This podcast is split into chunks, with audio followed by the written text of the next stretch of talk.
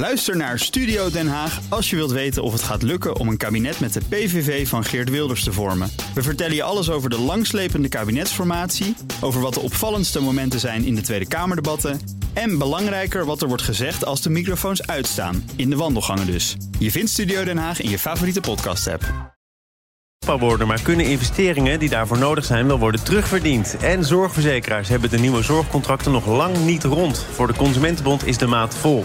Dat en meer bespreek ik in het lobbypanel met Irene Boon, oprichter van Trias Politica voor uh, organisaties, partijen die zaken willen doen met de overheid. En Nora van Elveren, senior adviseur bij EPPA, de beroepsvereniging voor Public Affairs, BVPA, ook daaraan verbonden. Fijn uh, dat jullie er allebei zijn. Goedemiddag. In uh, Brabant. En uh, we beginnen uiteraard uh, om 11 uur met jullie eigen nieuws. Nora, wat wil jij eruit lichten? Nou, ik wil het even hebben over het uh, bekendmaken van het besluit van het uh, kabinet... om toch de krimpplannen van Schiphol tijdelijk terug in de ijskast te zetten. als gevolg van de druk uit het buitenland, met name de Amerikanen. Daar was al voor gewaarschuwd, ver voordat ze dat besluit namen. En ja, wat mij betreft laat dit zien dat het goed is voor de overheid... om ook echt te luisteren naar de gesprekspartners in zo'n traject. het kan voor niemand een verrassing zijn... Uh, tegelijkertijd is nu ook wel elke belanghebbende, of dat nou de omwonende is, de gemeente uh, of de luchtvaartsector, ja, teleurgesteld. Het draagt, draagt daarbij ook niet bij aan het beeld van een betrouwbaar. Maar wat zeg je dan over luisteren naar betrokkenen? Want dat is gebeurd, hè? Voor de omgeving, zegt ook de demissionair minister Harbers, is dit een bittere pil. Daar is ook naar geluisterd. Uh, er is gekeken naar wat er voor hen dan wenselijk zou zijn. Dat is die krimp. Je kunt natuurlijk ja, niet maar als je heren dienen. Als je een besluit neemt waarvan iedereen dan zegt dat dat gaat geen stand houden neem dan het besluit niet. Maar wie is iedereen? Want het heeft inmiddels ook een juridische weg afgelegd. En het ligt nu nog bij de Hoge Raad, meen ik. De ene keer de overheid in het gelijk gesteld, de andere keer de maatschappijen. En je gaat gewoon om internationale luchtvaartverdragen... waarvan elke expert al zei... je kan dit besluit als Nederland niet zo nemen. We zijn een handelseconomie. We zijn onderdeel van die wereldwijde handelseconomie. Uh, dus luister naar je gesprekspartners... die dat soort problemen in een vroeg stadium al aangeven. En dan kun je deze afgang tussen haakjes besparen? Ja. Ben je het ermee eens? Nou ja, je wast je handen een beetje in onschuld. Hè? Je zegt, ja, wij wilden het echt heel graag. Wij gingen echt voor die krimp. En moet je nou kijken wat er gebeurd is, helemaal buiten onze schuld om, kan het helaas niet. Maar nu lijkt het op een ingecalculeerde nederlaag... waar je dan ook nog mooie sier mee zou kunnen maken. Dat zou zomaar een afweging geweest nee, zijn. maar dat nou ja, ik, mogelijk. Ik, ik, denk dat wat, wat, Nora zegt... het was natuurlijk van tevoren al lang bekend dat dit helemaal niet kon. Toch wordt het doorgezet. En de vraag is dan waarom. Uh, nou ja, ik, ik, denk dat een strategie kan zijn dat je kan zeggen... we hebben het echt geprobeerd, jongens, maar helaas, dit is groter dan ons allen. En uh, nou, nu moeten we het er maar mee doen.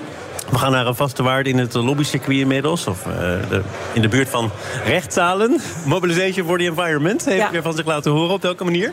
Nou, ik werd wel. Ik, ik, ik zag het bericht vanmorgen dat zij uh, nu een nieuwe fase hebben ingeluid in hun strijd voor beter uh, milieu. En dat hebben zij gedaan door de vergunningen om te mogen lozen in water. Uh, aan, te, uh, aan, de kaak te stellen. Voor eerder hebben ze al bij de handhavingsinstanties erop gehamerd... dat Nederland echt buitengewoon slechte waterkwaliteit heeft... onderaan bungelt op de Europese lijsten. Uh, maar de handhavingsinstanties hebben enorme achterstanden... en te weinig capaciteit om dat op te lossen. En die vergunningen worden ook niet aangepast, er wordt niet of nauwelijks naar gekeken? Nou, er wordt geloof ik wel naar gekeken... maar dan met die drie mensen die je hebt zitten... in plaats van 300 die er nodig zijn, zeg maar.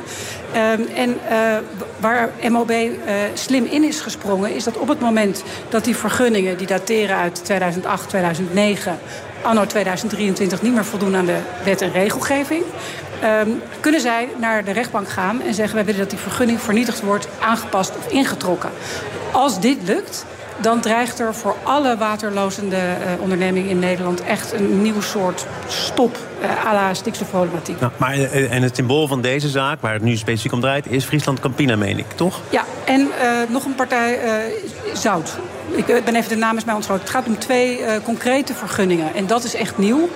Uh, die bedrijven zeggen, ja luister, wij voldoen aan de voorschriften van de huidige vergunning. Dat is waar. Dus die bedrijven treft nu geen blaam.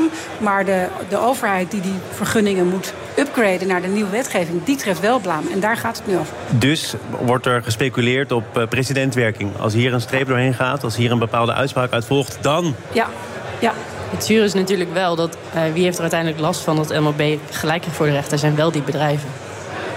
Zeker. En die zouden dan denk ik ook nog wel kunnen zeggen... Ja, hoe is het dan gesteld met onze rechtszekerheid? Dus dit kan een interessante uh, serie aan uh, rechtszaken worden. We gaan naar uh, een andere mogelijke rechtszaak. Want de Consumentenbond heeft de deur al opengezet. Maar eerst eventjes de inleiding van de zaak. Zorgverzekeraars hebben de deadline voor 12 november... de premies en de voorwaarden niet gehaald. Voor de Consumentenbond is de maat vol. Gisteren stapte de belangenorganisatie naar de Nederlandse Zorgautoriteit. Ja, en de gemiste deadline. Er is natuurlijk wel het een en ander bekend geworden over de premieontwikkeling. Maar het gaat er meer om, wat krijg je daarvoor? Zijn er al contracten afgesloten met aanbieders? En Nora, daar stokt het. Ja, dat is overigens geen nieuw uh, fenomeen. Consumentenbond waarschuwt hier al uh, sinds 2015 voor. Um, en het gaat er natuurlijk om, als consument moet je een zorgverzekering afsluiten. En dan wil je weten onder welke voorwaarden die zorgverzekering uh, je die kan afsluiten. Maar als je nog geen inzicht hebt in met welke ziekenhuizen bijvoorbeeld jouw zorgverzekering gaat samenwerken, ja, hoe kun je dan een vrije keuze maken? Hè? Dat is eigenlijk het argument van de Consumentenbond. En ik moest erg lachen, ze hebben daar een goede metafoor voor gekozen. Hè? Lobby is niet alleen maar bij wie moet je zijn en op welk moment, maar ook hoe verpak je die boodschap. En ze hebben daar een mooie one-liner voor. Als consument, als je een stofzuiger koopt, heb je meer rechten dan als je een zorgverzekering afsluit. Nou, dan begrijpt gelijk iedereen waar het over gaat. En is die ook op zijn plek, die metafoor? Uh, ja en nee. Uh, je kent mij inmiddels een beetje, Thomas. Ik ben altijd genuanceerd. Ja, we gaan heel snel naar Irene. die is dat namelijk helemaal niet. um, kijk, die deadline van 12 november... dat is een, een afspraak uit het Integraal Zorgakkoord... wat vorig jaar is afgesloten. Maar dat is tegelijkertijd geen harde deadline. Dat lijkt nu wel zoals de Consumentenbond dat zo framed... dat alle zorgcontractprocessen moeten zijn afgesloten. Het is een streefdatum. Partijen streven ernaar, worden maatregelen genomen om dat aan te pakken. Maar de NZA heeft op de eigen website staan... dat ze daar niet op gaan handhaven. Dus dit lijkt een stap in een uh, proces om aandacht te krijgen. Consumentenbond is gewoon een ledenorganisatie. Moet gewoon voor haar eigen achterban de belangen behartigen. En ook alvast vooruit te lopen op de evaluatie van het zorgcontracteerproces die de NZA voor. Kun je dus zeggen, wij stappen naar de NZA, de toezichthouder op dit vlak, en wij vragen orde op zaken te stellen. Terwijl je op de website kunt lezen, dat gaat de NZA niet doen. Ja. Maar het staat wel op de NOS, hè? Ja, als het nog belangrijker dan de website van de NZA is de website van de NOS. Ja, vroeger heette dat als het in de krant staat, is het waar. Um, Kijk, het, eh, ik denk dat de streefdatum van 12 november een, een goed uitgangspunt is. Omdat je als uh, consument, want je kiest je zorgverzekeraar vaak als consument. En als consument heb je andere dingen te doen dan de hele tijd premies te vergelijken. Dus dan wil je uh, enige periode de tijd hebben om voor 1 januari, wanneer je je overstap gerealiseerd moet hebben, je te kunnen oriënteren. Nou, daar, uh, dat kan nu eigenlijk niet. Want precies zoals jij zegt, de premie is wel bekend... maar niet of je bij je eigen psycholoog of fysiotherapeut nog terecht kan. En je zou dus kunnen stellen dat uh, de, uh, het recht op een geïnformeerde keuze wat je hebt als consument, dat dat hier ter discussie komt staan. De, dat de Consumentenbond de NZA aanschrijft. Ik denk dat ze proberen om een bestuursrechtelijk besluit uit te lokken, waar ze dan vervolgens mee naar de rechtbank kunnen. Namelijk, eh, wij verzoeken u om handhavend op te treden. Ze weten al dat ze dat niet gaan doen. Maar dan is het zo, bij zo'n zelfstandig bestuursorgaan... dat de beslissing om het niet te doen... wordt dan een publiekrechtelijk besluit om het niet te doen. En dat besluit is aanvechtbaar bij de rechter.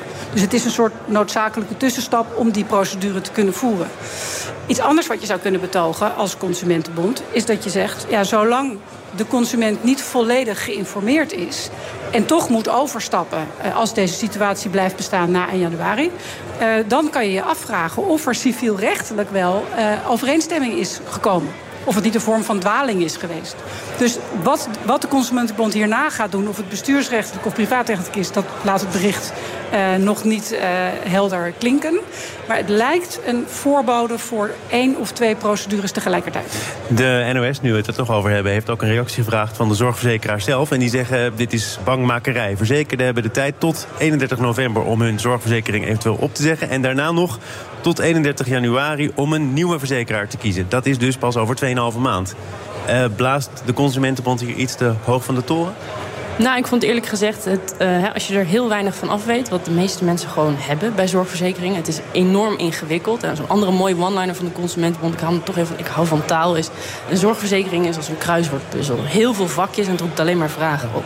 Maar het is ook een heel groot bedrag dat elke maand wordt afgeschreven. Dus misschien is er voor consumenten ook wel enige aanleiding... om je daar dan wel in te verdiepen, hoe ingewikkeld ook.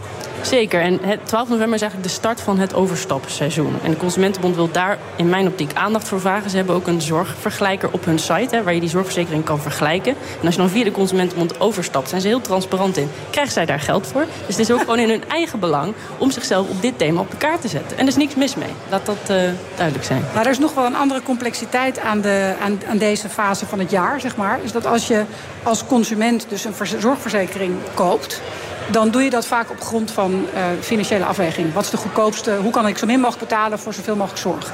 Op het moment dat je die zorgverzekering nodig hebt, dan ben je niet zozeer meer consument, maar patiënt geworden.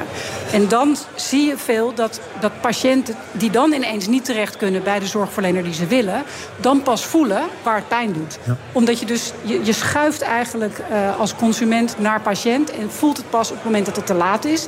En ik vind wel dat het terecht is dat er voldoende tijd gegeven wordt aan dit uh, fenomeen voor die consument slash patiënt om zich goed te kunnen oriënteren. Maar die, die zorgverzekeraars, die natuurlijk vaak de zwarte piet krijgen en misschien niet altijd ten onrechte, die onderhandelen natuurlijk met het mes tussen de tanden ook om die premie zo laag mogelijk te kunnen houden. Ja. Ook om dat voor consumenten behapbaar te houden. Nou ja, maar ook vooral voor. Nou, dat is de vraag. Die, die kleinere zorgverleners zitten nu minstens zo knel. Want als die. Nog wel iets meer. Ja, als die uh, niet per 1 januari een contract hebben... dan kunnen zij gewoon niet declareren bij die zorgverzekeraar. Dus deze uh, gesuggereerde vorm van marktwerking... die in mijn ogen helemaal geen marktwerking is... Uh, wringt wel heel erg in deze periode van het jaar. En als de zorgverzekeraar dan ook nog tijd koopt... en krijgt van de toezichthouder om haar inkoopmacht verder te vergroten, dan varen we echt de verkeerde koers. Laatste argument dat de zorgverzekeraars zelf te berde brengen, tegenover de NOS wederom.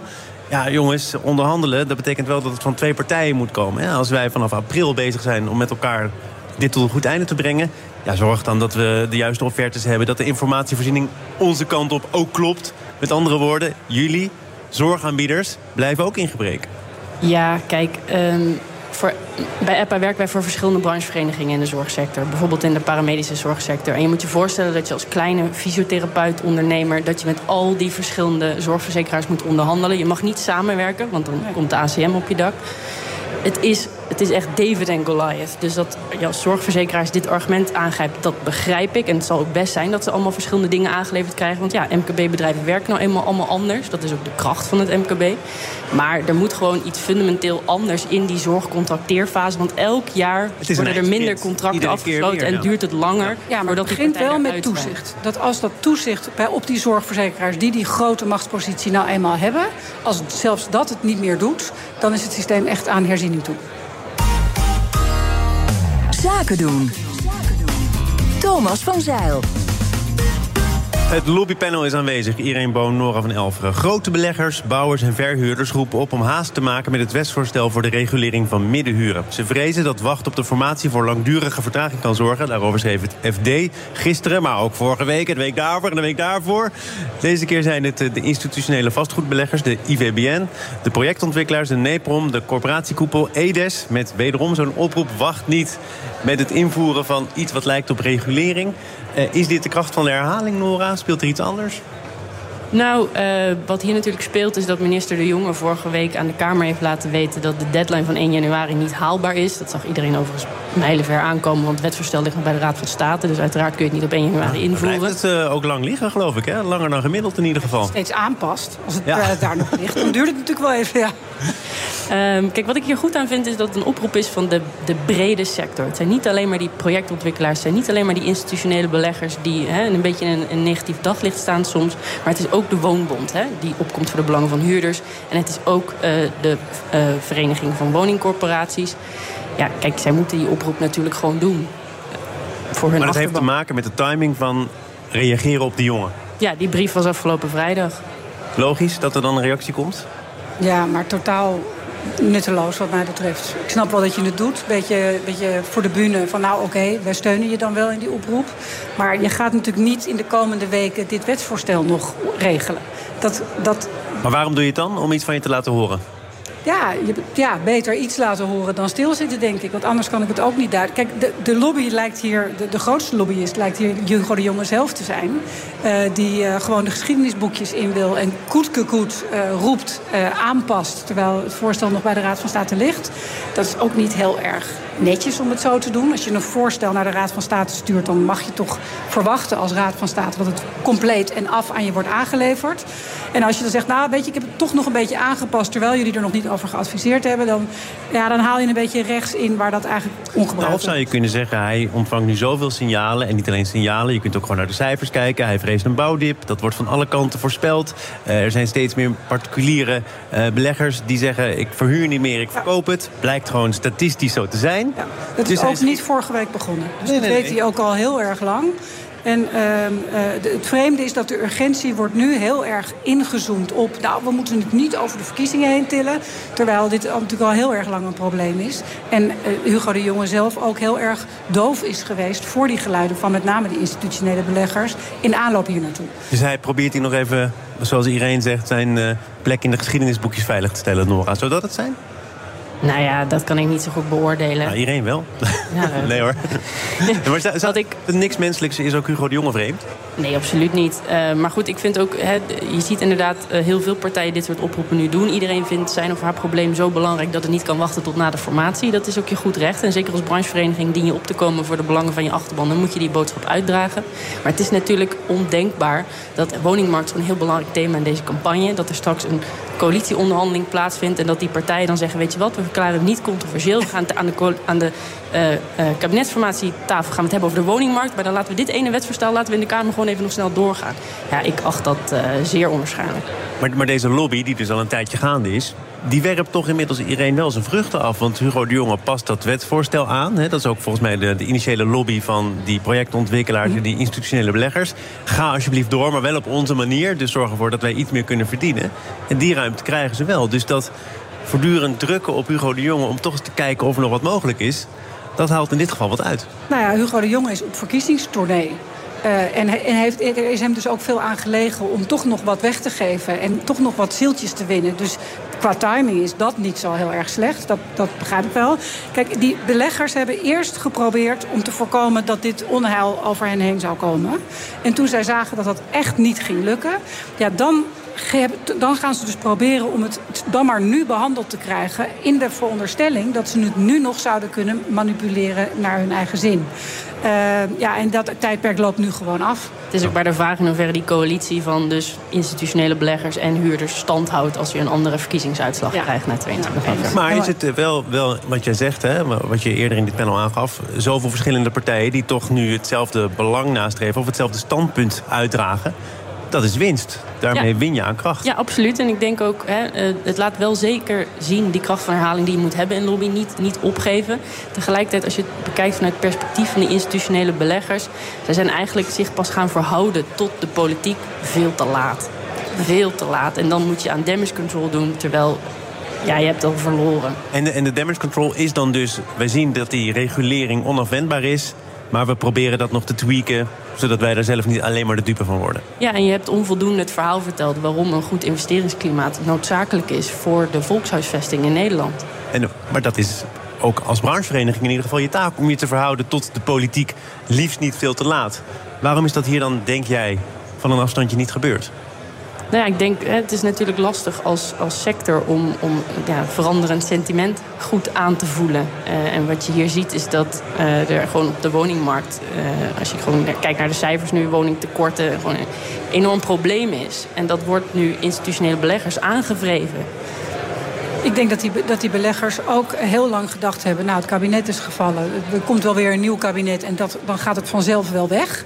En naarmate dat dichterbij komt, ontstaat er iets meer nervositeit over of dat nou wel helemaal gaat gebeuren. Maar met, met name op dit dossier is het natuurlijk heel duidelijk als PvdA GroenLinks uh, doorslaggevend uh, aan de macht komt straks, dan is dit hele voorstel. Hebben ze ook al aangekondigd. Ja, dat gaat helemaal door de schredder en gaat helemaal opnieuw. als de VVD grotere belangen krijgt, dan gaat het hele puntenstelsel herzien worden. Dus de, uh, dat er een hele tijd onzekerheid blijft, is een gegeven. Uh, dan kan je zeggen, we willen die onzekerheid niet, het is slecht voor het investeringsklimaat altijd. Maar ik denk dat je in dit geval beter kan zeggen... oké, nou laten we dan maar hopen dat het nog een beetje onze kant opkeert... in plaats van nu proberen er iets door te drukken... wat echt helemaal niemand gaat doen. Zometeen deel 2 van het lobbypanel en dan gaat het over Nederland als waterstofhub. Komt de ambitie in gevaar door Europese regels? Je hoort het zometeen. Het lobbypanel is aanwezig. Irene Boon, oprichter van Trias Politica en Nora van Elveren, senior adviseur bij EPA. Ook bestuurlijk actief voor de beroepsvereniging voor Public Affairs, de BVPA. En we zijn hier live op de precisiebeurs van Microcentrum in Den Bosch, de Brabanthallen. We gaan praten over een grote ambitie, want Nederland wil de waterstofhub van Europa worden. Maar bedrijven stellen de miljardenprojecten die daarvoor nodig zijn uit. Ze maken zich zorgen of die met de huidige EU-regels wel kunnen worden terugverdiend. Het FD schreef daar gisteren een uitgebreid artikel over. Zonder al te diep op de technische materie in te gaan. Maar wat zit die bedrijven dwars? Waarom laten ze Europa, Rotterdam, in dit specifieke voorbeeld... waarschijnlijk liever links liggen? De klacht is van die uh, ontwikkelaars die die terminals willen gaan bouwen... dat ze miljarden investeringen moeten doen om dat allemaal uh, op te slaan, door te slaan. Uh, en ze zijn op zich wel bereid om dat te doen, want waterstof heeft de toekomst. Maar EU-wetgeving of regelgeving schrijft nu voor dat, dat er derde toegang moet worden verschaft. Dat is op zich niet zo raar, want het is natuurlijk een nutsvoorziening. Net zoals je dat nu op het elektriciteitsnet en ik meen ook bij televisiekabels en zo moet je het ook allemaal doen. Um, dus deze uh, partijen zeggen, ja, wij moeten heel veel investeringen doen.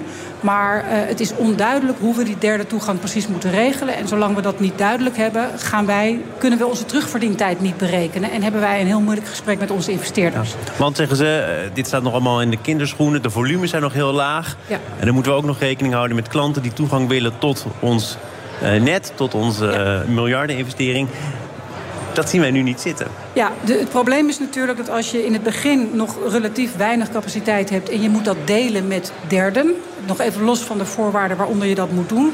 dan heb je een ander level playing field dan landen buiten de EU... waar dat derde gebod niet geldt. Ja, buiten de EU is dus ook al het Verenigd Koninkrijk. Dat is sinds Brexit inderdaad het Verenigd ja. Koninkrijk. Dus wat, je, wat de angst van deze partijen is... is dat er een ongelijk speelveld ontstaat tussen de landen binnen de EU... waar Rotterdam natuurlijk uh, belangrijk zit, maar Hamburg ook... Uh, en het Verenigd Koninkrijk en partijen daarbuiten waar dat gebod niet geldt. Um, dus dat, dat, is eigenlijk de kern van hun uh, klacht. Kun je hier een sterke lobby voeren? Wij als Europa, we willen van alles. Wij als Nederland in het bijzonder. Maar ondertussen zien we dat de miljarden elders terechtkomen. Omdat wij zo strikt vasthouden aan regelgeving. Um, kijk, ik denk dat het goed is uh, om aan te sluiten bij de maatschappelijke klimaatambities. En om het te framen uh, van uh, we willen allemaal verduurzamen, de industrie moet vergroenen. maar dan zijn er ook randvoorwaarden nodig. kijk, ik vond het op zich onduidelijk aan wie deze oproep nu op dit moment gericht is. Um, is geen detail. Nee. Het, het, lijkt me een Brusselse niet, kwestie. Niet aan mij in ieder geval dus. Ja. Um, inderdaad, in Brussel wordt onderhandeld over herziening van de gaswetgeving. Daar gaat het natuurlijk over. En dan kun je, hè, wij adviseren ook bij EPA-organisaties... hoe oefen je nou vanuit Nederland invloed uit op die Europese besluitvorming. En dan kun je inderdaad, in dit geval bij het ministerie van Financiën of uh, Economische Zaken... proberen om hè, dat zij in Europa voor jou gaan vechten. Um, maar het lijkt machtige... niet van te komen, hè? want het ministerie van Economische Zaken zegt... die derde toegang, dat is wat ons betreft geen geen bottleneck, staat in het FD. Betekent niet meer dan dat de uitbaters van terminals... klanten die gebruik willen maken van die terminal... transparant en op gelijke voet moeten behandelen. Nou, daar kan je weinig op tegen. Nou ja, als je inderdaad een, uh, een, aan investeerders moet uitleggen... wat zij terugkrijgen voor hun investering en op welke termijn... en je kan dan niet uitleggen wat ze terugkrijgen en op welke termijn... omdat het nog onduidelijk is hoeveel klanten moeten dan toegang... wat betekent dat maar voor laat ik zo zeggen, het ministerie van Economische Zaken zegt... wij zien hier geen al te groot obstakel in. Nee, dat klopt. Ja. ja, kijk, het ministerie zegt die derde toegang is op zich niet het probleem. Dat heb je ook bij LNG. Uh, ik denk dat dat best kan kloppen. De vraag is of de voorwaarden waaronder die derde toegang verschaft moet worden, of die helder zijn. Als die niet helder zijn, dan zou de lobby gericht moeten zijn op de Nederlandse overheid. Die, ik vermoed dat dit gaat over richtlijnen en niet verordeningen. Dus dan is het in Europa zo van dit is, er moet derde toegang zijn. En Nederland moet het dan maar in eigen wetgeving vangen hoe dat er dan precies uit moet zijn we daar nog niet. Dus het moet eerst in de EU. En dan zou ik zeggen, joh, uh, werk ook samen met Duitsland. Een veel machtigere ja. speler in die Europese Unie. Waar nu ook een economische uh, werkbezoek Maar dat gaat dan over überhaupt het feit dat er derde toegang moet worden verschaft. Als, als je dat van tafel wil, dan zit je per definitie in, in, in Brussel. Maar Nora zegt, het, het is mij uh, op dit moment niet helemaal duidelijk... Ja, ik vermoed natuurlijk het ministerie van Economische Zaken... omdat ze allemaal economische argumenten gebruiken. Is het jou wel duidelijk? Aan wie ze, tot wie ze zich richten? Ja, ik denk dat ze zich tot de Nederlandse overheid richten. Uh, omdat dat ook bij heel veel bedrijven... en ik wil deze bedrijven helemaal niet uh, schofferen... maar heel vaak denken bedrijven dat de Nederlandse overheid dat dan maar moet regelen. Uh, zonder dat je heel goed kijkt naar waar, waar, ligt nou de oorsprong van het probleem. Ik weet niet of het een verordening is in, in welk stadium die op dit moment zich bevindt. Maar dat is natuurlijk wel uh, de vraag. Of Nederland, of de Nederlandse overheid dit kan oplossen. Of dat die dat namens jou in Brussel moeten. Maar Nora, jij zegt aanhaken bij Duitsland? Ja, zeker. Kijk, er vindt op dit moment een economische uh, missie plaats. Het uh, gaat ook over waterstof. Minister Harbers heeft gisteren drie intentieverklaringen getekend met de Duitse uh, overheid en een deelstaat. Duitsland is natuurlijk nou ja, naast Frankrijk de machtsfactor in de Europese Unie. ga je ook daarop richten? Samen. En, en hoe groot moet je dit punt van waterstof al maken? Want als je nu ook die verkiezingsprogramma's leest, dan, dan kom je bijna overal wel waterstof tegen. Maar soms met wat meer, wat meer en soms met wat meer overtuiging dat het op korte termijn al heel veel kan betekenen. Er zijn er ook heel veel experts die zeggen, nou voor 2030 reken maar nergens op. Is het lastiger om te lobbyen voor iets wat zich toch nog grotendeels ook op grote schaal moet bewijzen? Nee, dat denk ik niet. Een goede lobby begint natuurlijk met een timing die uh, in het vroegst mogelijke stadium van start gaat. En wat dat betreft zijn ze zeker niet uh, aan de vroege kant. Ik de plannen liggen er al. De, er waren al partijen die begonnen met het aanvragen van vergunningen. Uh, en dat is nu een halt toegeroepen omdat ze gewoon zien dat ze ingehaald worden door non-EU-landen. Dus uh, ik denk dat ze, dat ze keurig op tijd zijn. Op het moment dat er Amerikaanse klanten nu dus zeggen... die miljarden die proberen wij toch wel te investeren, maar niet in Europa. Zet dat extra druk op de ketel? Betekent dat dat Europa op een zeker moment moet gaan inbinden? Dat die regels en die derde toegang nog eens tegen het licht gehouden worden? Nou ja, als je inderdaad uh, naar een, een, een, autonome, onafhankelijke energievoorziening van de toekomst wil in Europa, dan ja. We willen onafhankelijk zijn van Rusland, we willen onafhankelijk zijn van China. Dat betekent dat je dus ook moet investeren in Europese uh, toekomstige voorzieningen. Vroeger was dat een stroomnet, in de toekomst dat waarschijnlijk een waterstof.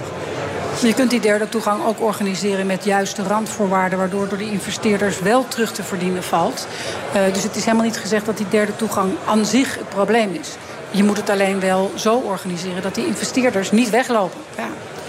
Ik dank jullie voor al jullie waterstofexpertise en wat daarvoor zat. Irene Boon van Trias Politica en Nora van Elveren, senior-adviseur bij EPA. Tot een volgende keer weer en een goede terugreis.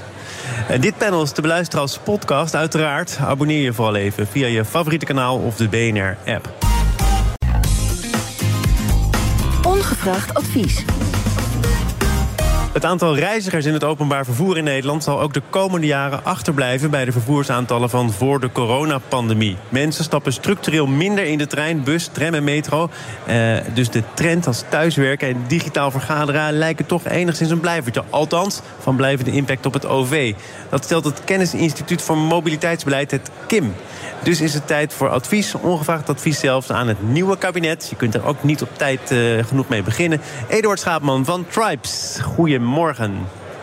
Goedemorgen Thomas, met de trein gekomen naar Den Bosch? Met de trein gekomen, daarna dacht ik, ik pak de OV-fiets richting de Brabanthallen, maar die waren uitverkocht. Dus er is toch nog een auto aan gekomen. Ja. ja, dat zijn een van de zeven punten die men inderdaad noemt. Uh, hoe kun je nou zorgen dat uh, het treinverkeer verbetert? En dat is integreer verschillende vervoersmiddelen. Dus inderdaad moet die OV-fiets er dan wel staan. Want anders ja, mis je weer een klant, om het zo maar te zeggen. Maar het Kim heeft daar onderzoek naar gedaan, doet het overigens al jaren. Uh, zegt hier toch wel heel duidelijk in dat onderzoek thuiswerken, digitaal vergaderen. Onderschat dat niet, dat heeft invloed op die cijfers. Maar Eduard Schaapman, jij denkt er anders over. Totaal anders, want dan kijk je weer uh, op wat andere ja, artikelen. En dan zie je inderdaad dat we tijdens corona ongeveer 300.000 meer auto's op de weg hebben gehad. Dan zien we nu ook dat op dit moment de grootste filevormingen weer zijn sinds uh, 2019 weer helemaal opgepakt. Uh, dus je ziet veel meer mensen op de weg. En dat is natuurlijk allemaal ontstaan tijdens corona. Iedereen dacht van ja, de, de treinen, dan moet ik een mondkapje op, daar heb ik geen zin in en ik koop een eigen auto.